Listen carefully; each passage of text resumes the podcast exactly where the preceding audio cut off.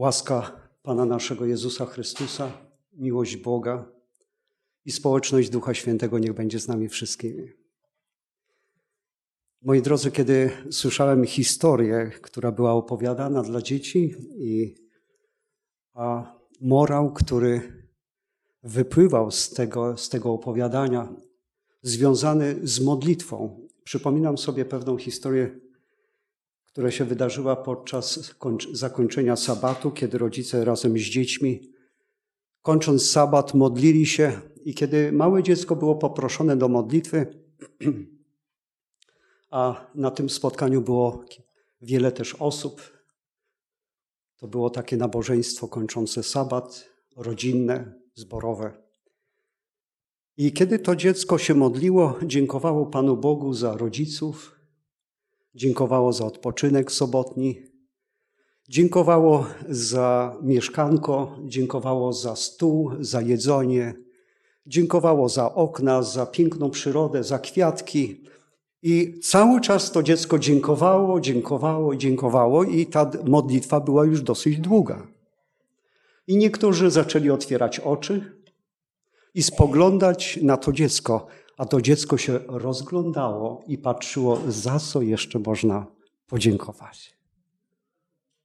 Pamiętam, kiedy pracowałem tutaj w Podkowie Leśnej, kiedyś ze studentami poszedłem, aby przeprowadzić ankietę wśród naszego społeczeństwa. E, tutaj akurat nie w Podkowie, to było w Mielanówku. I pamiętam, gdy poszedłem z jednym ze studentów, chodząc od domu do domu, Zapukaliśmy do pewnego domu, który nam się otworzył.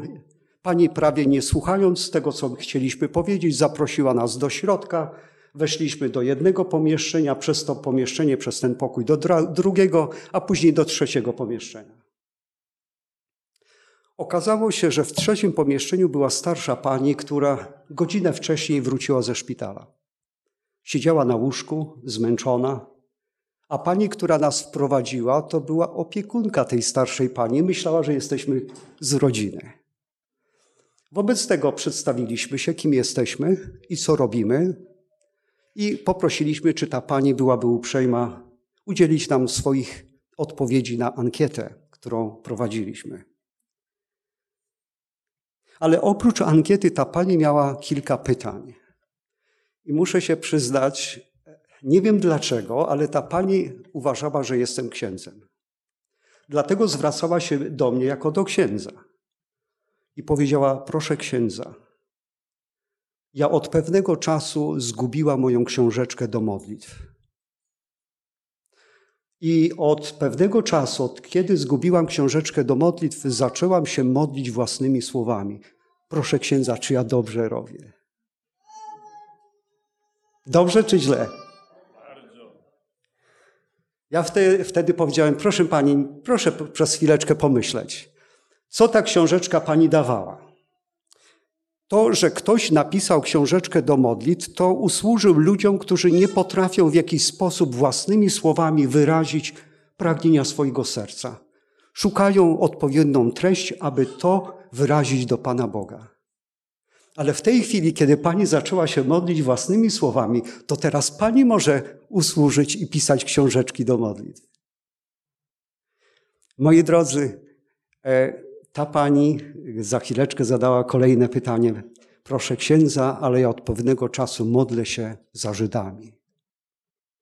Ja jeszcze w czasie okupacji widziałam, jak na moich oczach zabito małego chłopca żydowskiego.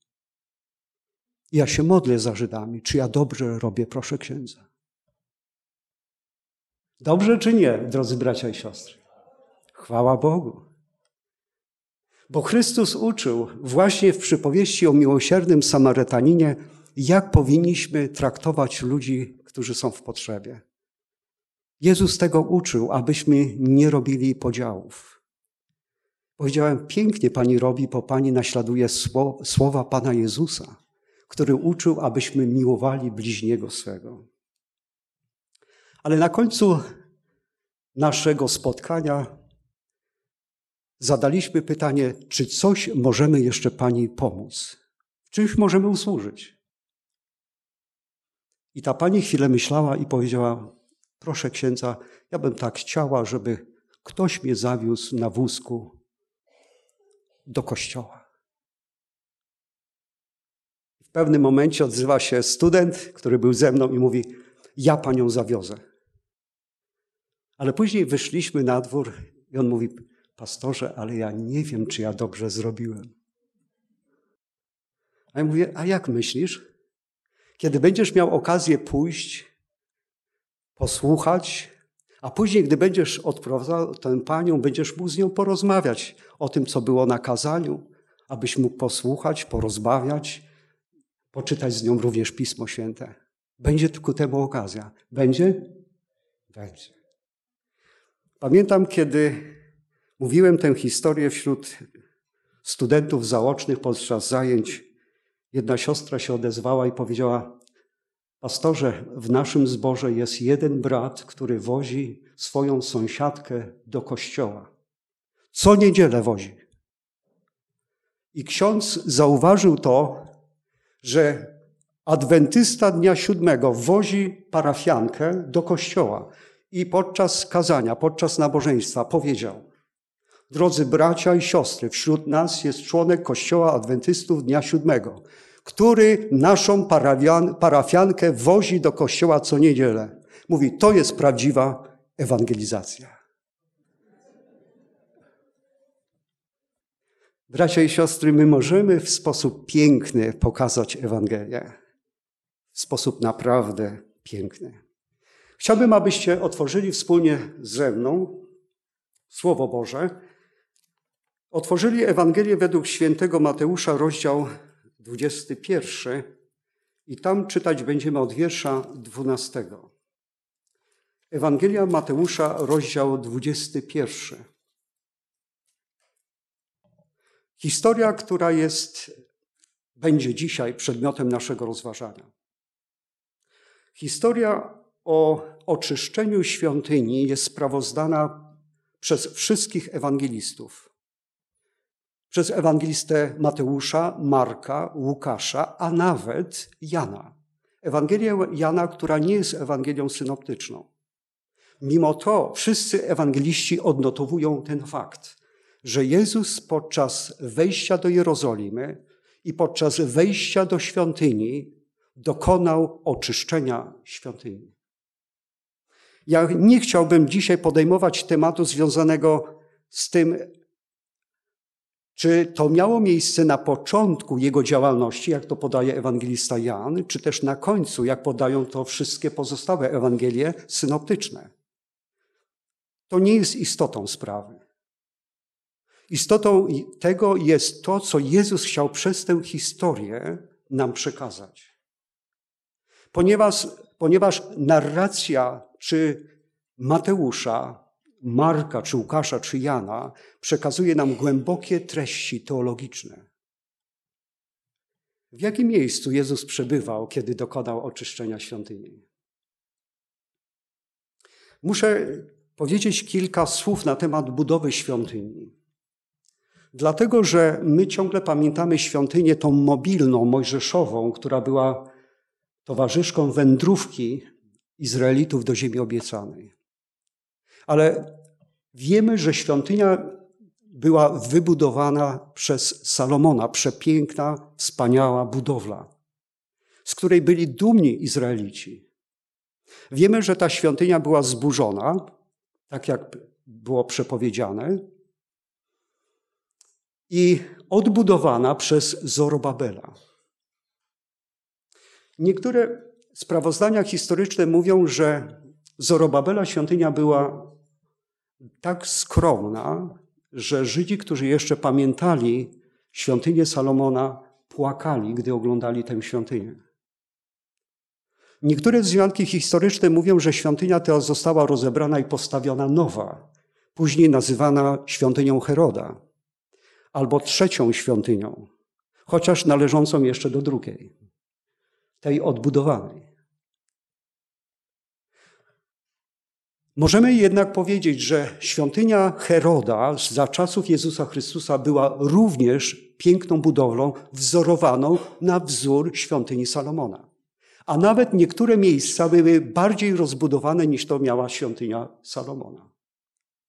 Ciekawe jest to, że świątynia znajdowała się na dziedzińcu, a tych dziedzińców była kilka. Były portyki, były krużganki, były dziedzińce, były różne pomieszczenia, które były przeznaczone dla określonych grup społecznych. Największym dziedzińcem był dziedziniec pogan. I prawdopodobnie, jak bibliści mówią, oczyszczenie świątyni miało właśnie miejsce na tym dziedzińcu pogan. Ale powyżej dziedzińca pogan był dziedziniec kobiet.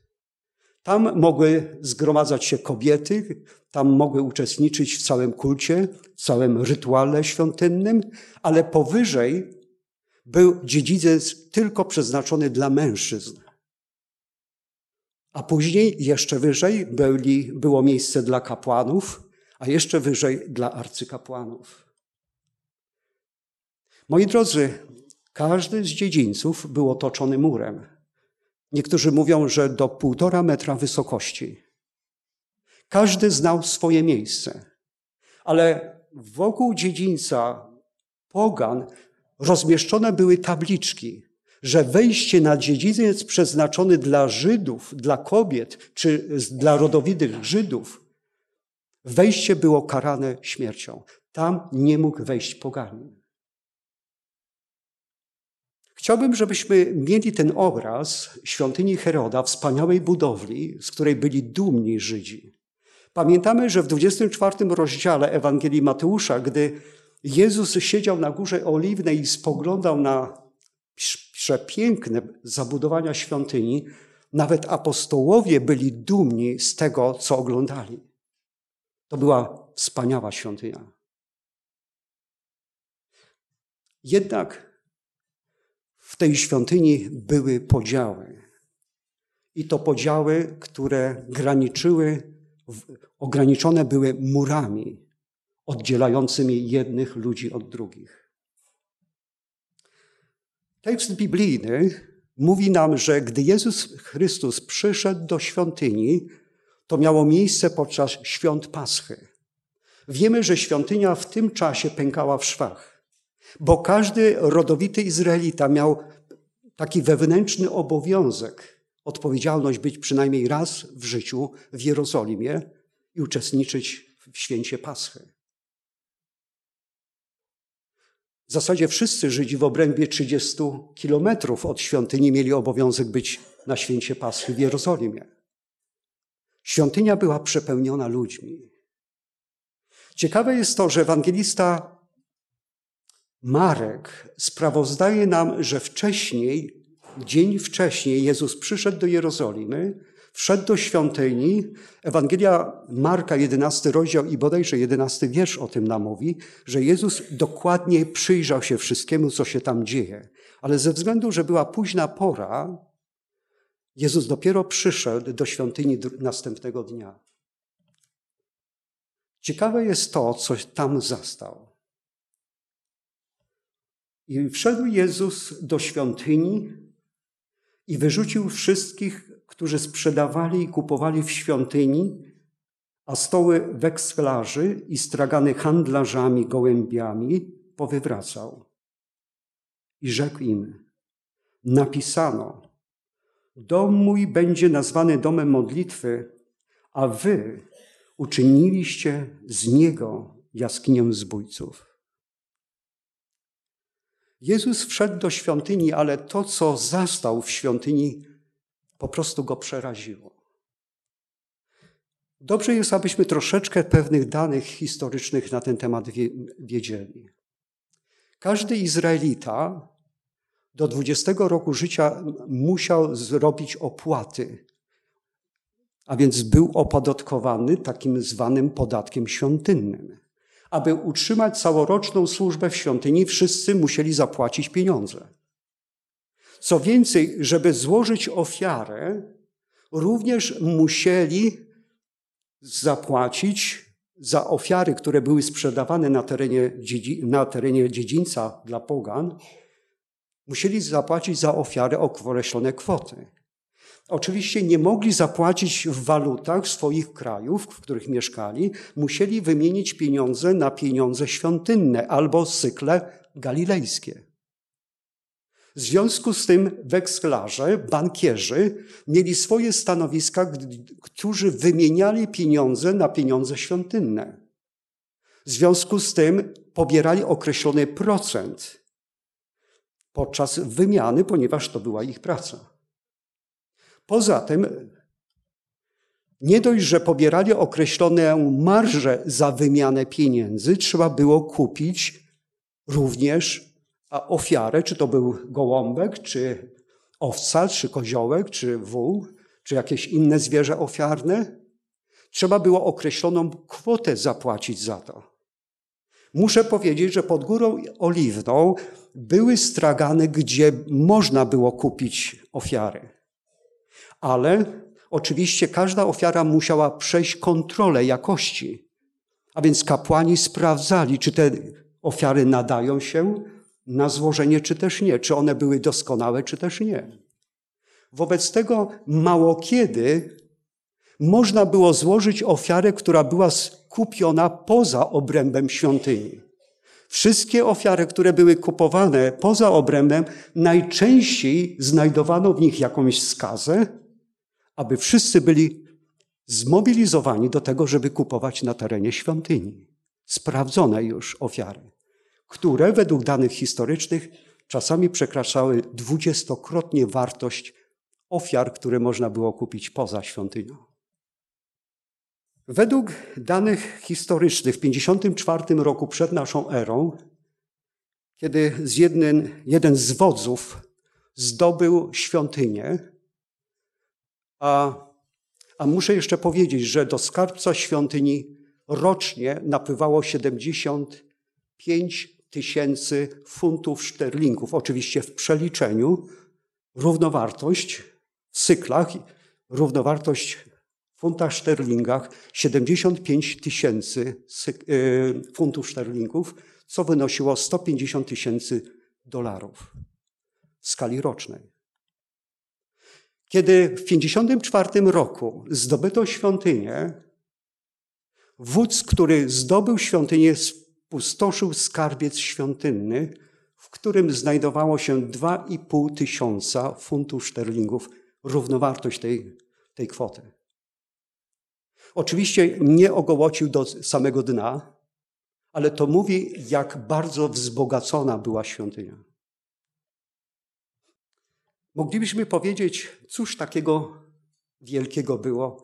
Przecież to były udogodnienia związane z przyprowadzeniem ofiar do świątyni. Przecież to można było wszystko na miejscu zrobić.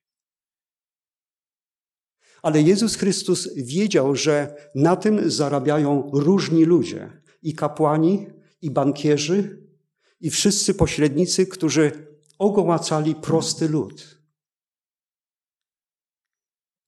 Bogacili się na swojej religijności.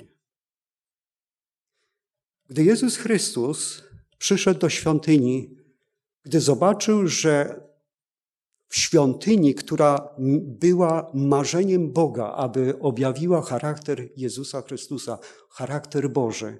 W świątyni odbywały się praktyki, które wręcz były przeciwieństwem tego, co mówiła Ewangelia. Bóg miał określone marzenie w sprawie świątyni.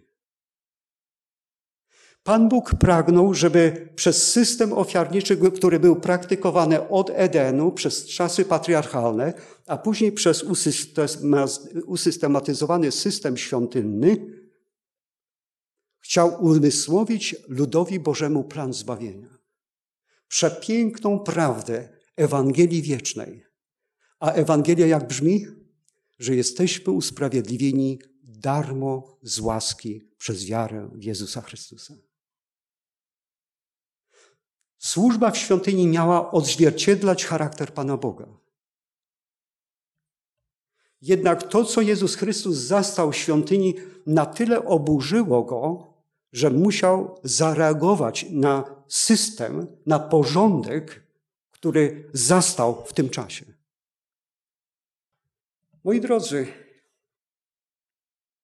Moglibyśmy bardzo dziwnie oceniać zachowanie Jezusa. Powiedzieć, no, Jezus nie wytrzymał taki święty, spokojny człowiek. Czy nie mógł w jakiś sposób inaczej zareagować? Czy musiał w ten sposób? Sprawozdanie biblijne mówi nam, że tak, Jezus nawet skręcił bicz, aby w ten sposób skorzystać również i z tego autorytetu posiadania bicza, aby wszyscy mogli spokojnie opuścić świątynię, aby mógł oczyścić świątynię. Zwróćcie uwagę, że ewangelista Mateusz, a może jeszcze wspomnę o tym, że ewangelista Marek wspomina, że Jezus w tej gorliwości nawet nie pozwolił jakiekolwiek naczynie przenieść przez świątynię. Ciekawe. Zwróćcie uwagę, że w wierszu 13 Jezus mówi, y, apostoł, przepraszam, ewangelista Mateusz sprawozdaje nam takie słowa. I rzekł im, napisano, dom mój będzie nazwany domem modlitwy, a wy uczyniliście z niego jaskinię zbójców. Proszę zwrócić uwagę, że Jezus powołuje się na przepiękną wypowiedź ewangelisty Starego Testamentu. To jest wypowiedź proroka Izajasza z 56 rozdziału. Moi drodzy, Bóg miał marzenie o świątyni. Bóg miał marzenie, żeby ci ludzie mogli poznać charakter Boga, poznać, jakim jest Bóg, poznać plan zbawienia. Świątynia miała być tego wyrazem. Chciałbym, drodzy bracia, abyście otworzyli razem ze mną 56 rozdział proroka Izajasza. Otwórzmy księgę proroka Izajasza, rozdział 56. Czytam od wiersza pierwszego. Tak mówi Pan.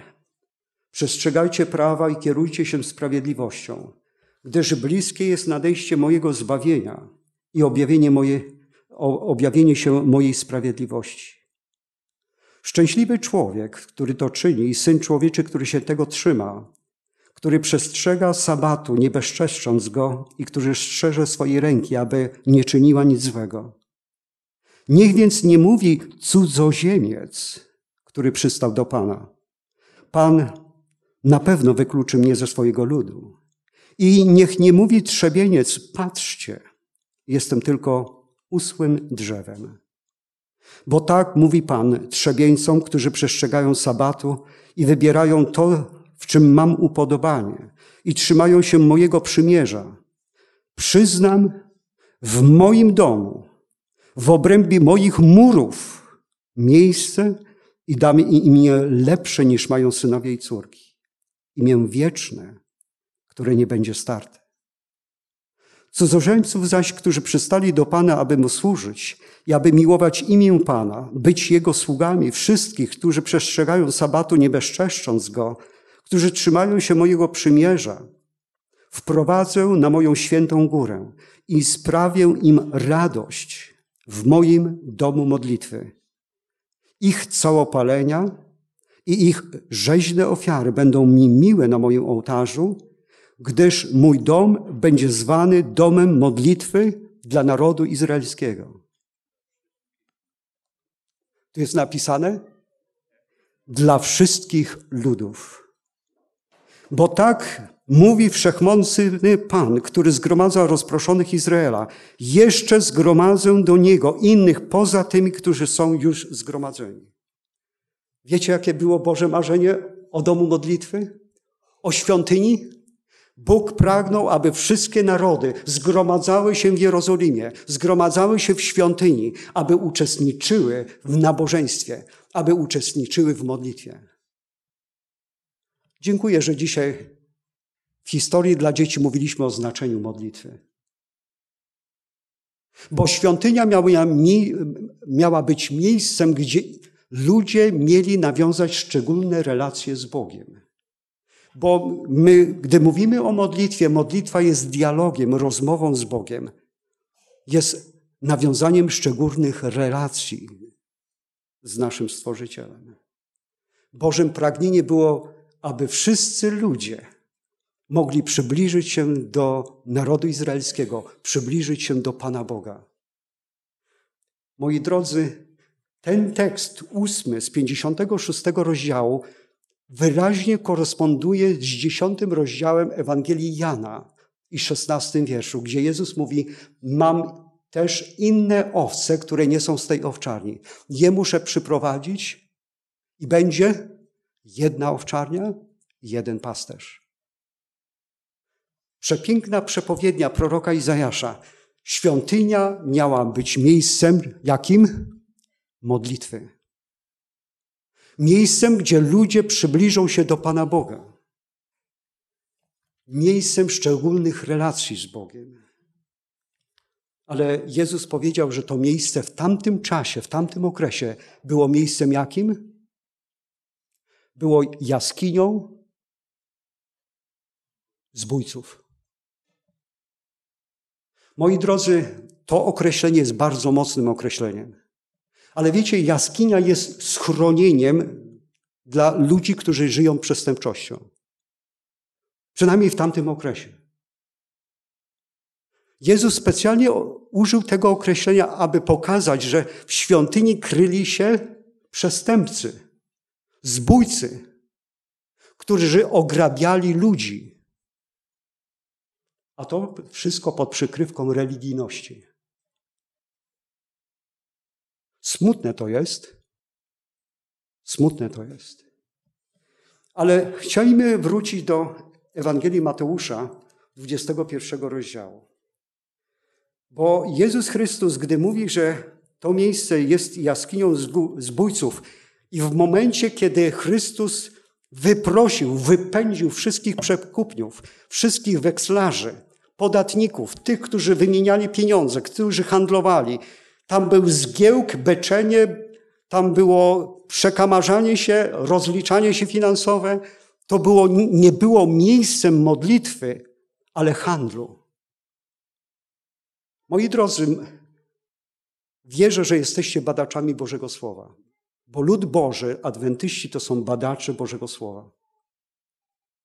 Dla mnie było niesamowitym odkryciem, kiedy otworzyłem 28 rozdział Księgi Ezechiela i zapraszam, abyście otworzyli, bo to, co tam jest napisane, zaskoczyło mnie i pozwoliło, abym połączył te dwa wydarzenia. Chciałbym, żebyście odkryli wspólnie ze mną to, co jest tutaj napisane. Księga Ezechiela, 28 rozdział, czytam od wiersza 15. Oczywiście wszyscy bibliści są przekonani, że 28 rozdział gdy mowa jest o królu Tyru, tam również jest wspomniane o Lucyferze. Ponieważ król Tyru reprezentował charakter Lucyfera, stąd autor księgi, prorok Ezechiel, połączył opisy króla Tyru i Lucyfera. Czytam od wiersza 15. Nienagannym byłeś w postępowaniu swoim od dnia, gdy zostałeś stworzony, aż dotąd, gdy odkryto u ciebie niegodziwość. Przy rozległym swoim handlu napełniłeś swoje wnętrze gwałtem i zgrzeszyłeś. Wtedy to wypędziłem cię z góry Bożej, a Cherub, który bronił wstępu, wygubił cię spośród kamieni ognistych. Twoje serce było wyniosłe z powodu Twojej piękności. Zniweczyłeś swoją, y, swoją mądrość skutkiem swojej świetności. Zrzuciłem cię na, na ziemię, postawiłem cię przed królami, aby się z ciebie naigrywali.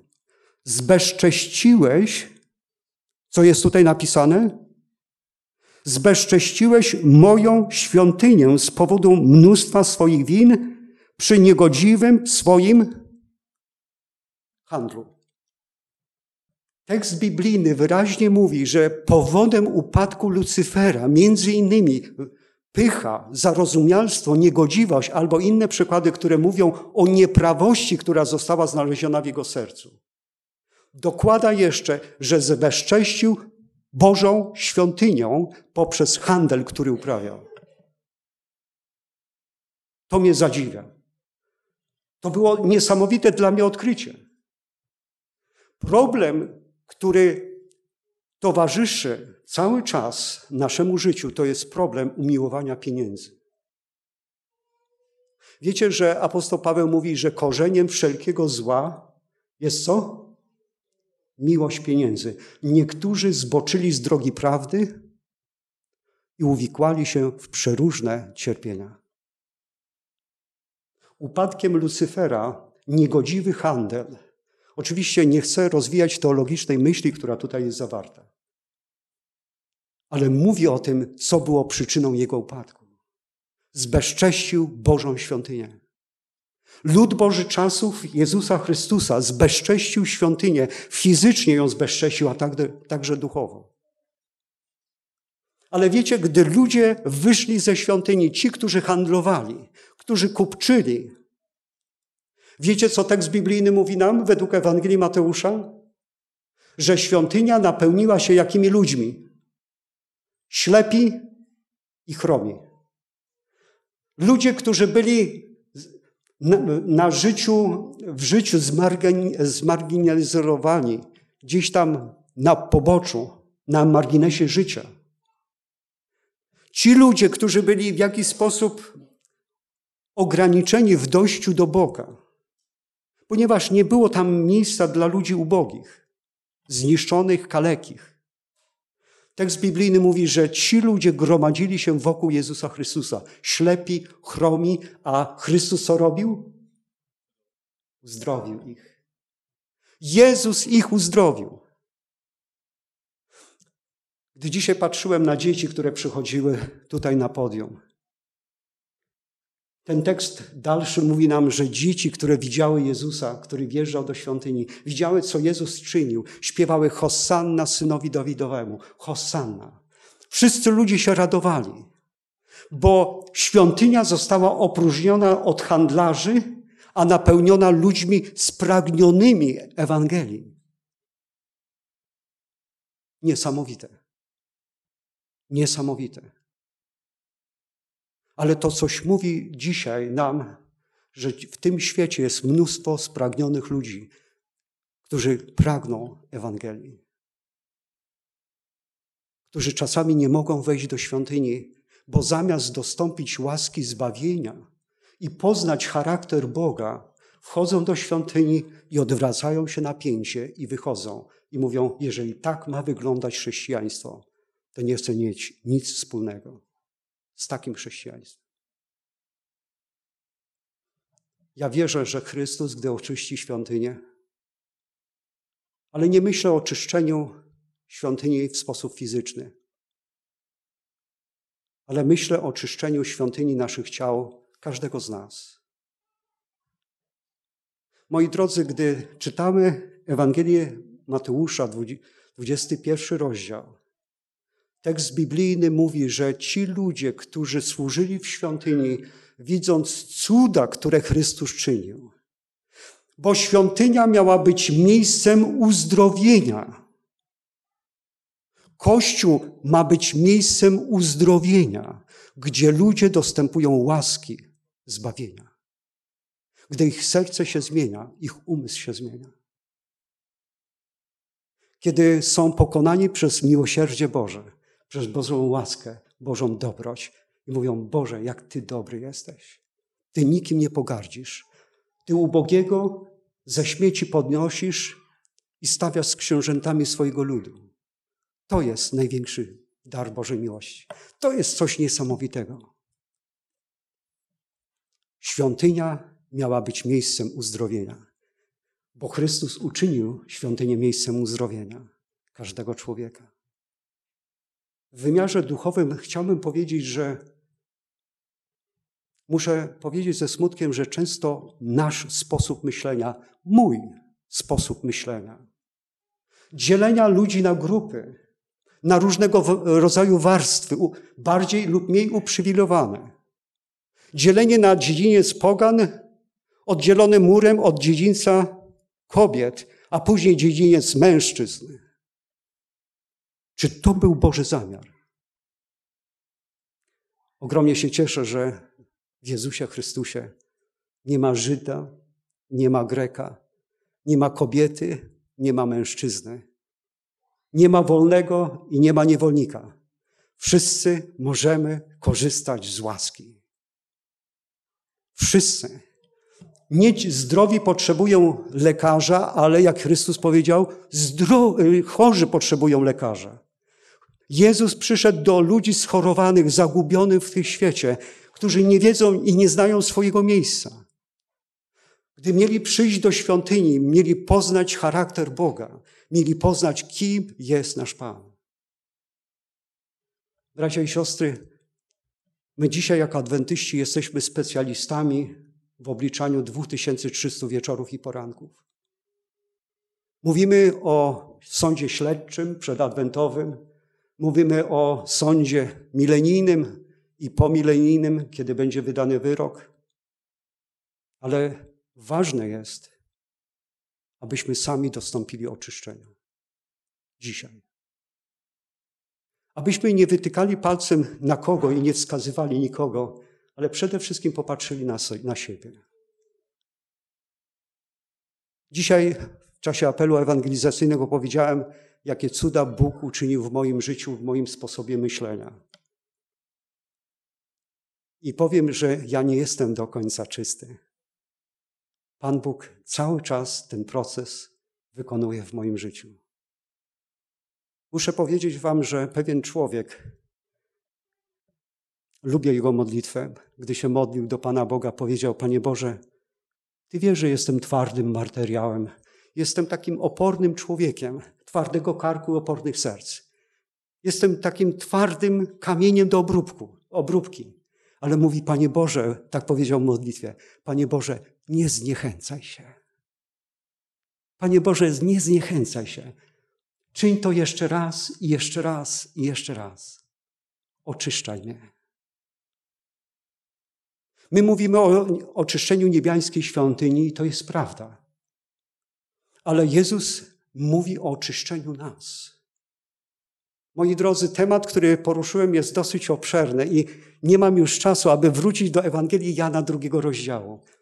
Ale Żydzi zarzucili Jezusowi, jakim prawem on niszczy porządek tradycji żydowskiej. Jakim prawem to robi? Wiecie, co Jezus powiedział? Gdy Żydzi domagali się znaku, na jakiej podstawie on to czyni, ja byłem zdumiony, co Jezus powiedział. Powiedział: Zbóżcie tę świątynię, a ja ją w trzy dni odbuduję. A Żydzi powiedzieli: 40 lat, 46 lat budowano, a ty w trzy dni ją odbudujesz? Ale o czym on mówił? O świątyni ciała swego. Na jakiej podstawie Jezus ma prawo oczyszczać świątynię? Jakie miał prawo oczyścić świątynię w czasach, kiedy przebywał w świątyni? Na podstawie swojej śmierci, ofiary, którą złożył na krzyżu.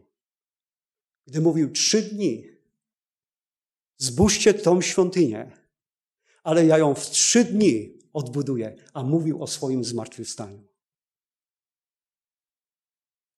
Bracia i siostry, my mówimy o, w teologii zdrowia, mówimy o oczyszczeniu naszych ciał, naszych umysłów. Są ludzie, którzy bardzo skrupulatnie trzymają się diety i bardzo dobrze. Są ludzie, którzy dbają o higienę i bardzo dobrze. O swój wizerunek bardzo dobrze. Ale wiecie, czym Jezus był najbardziej zainteresowany?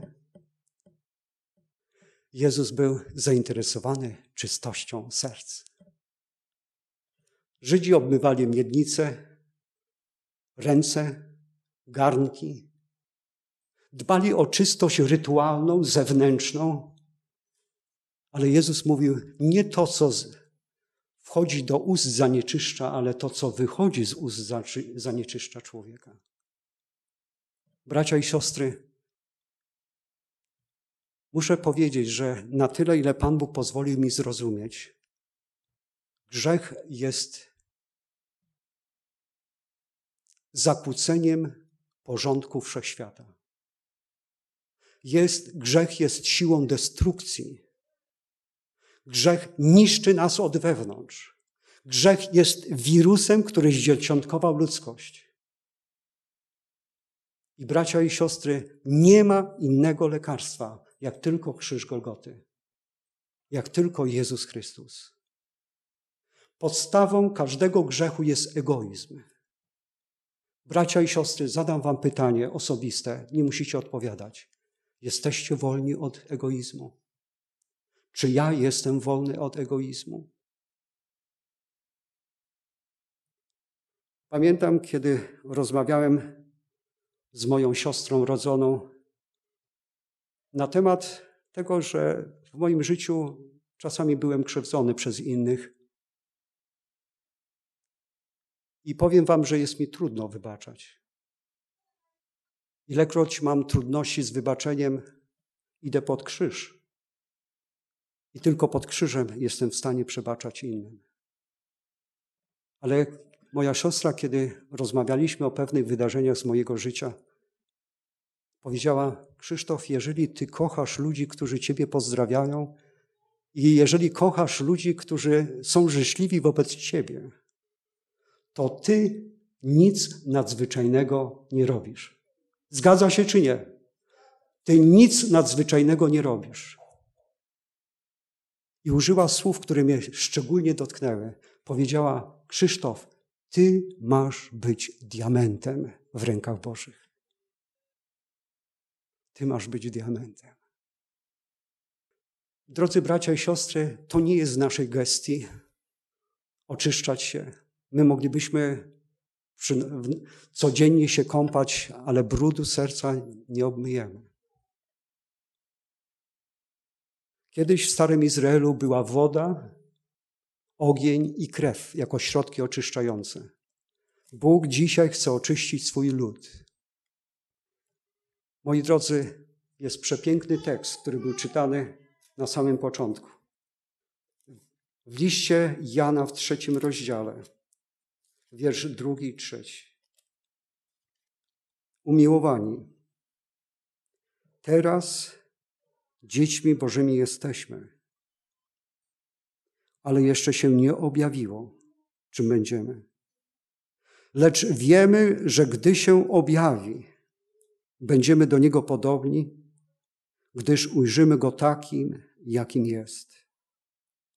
I każdy, kto tę nadzieję w Nim pokłada, oczyszcza się tak, jak On jest czysty. Moją modlitwą jest, aby Pan Bóg mnie oczyścił z brudu mojego serca.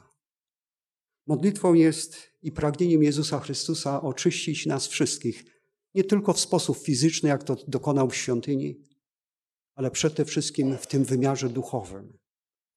Oczyścić nas, abyśmy byli gotowi do warunków nieba. Jest to także moją modlitwą i pragnieniem w Jezusie Chrystusie.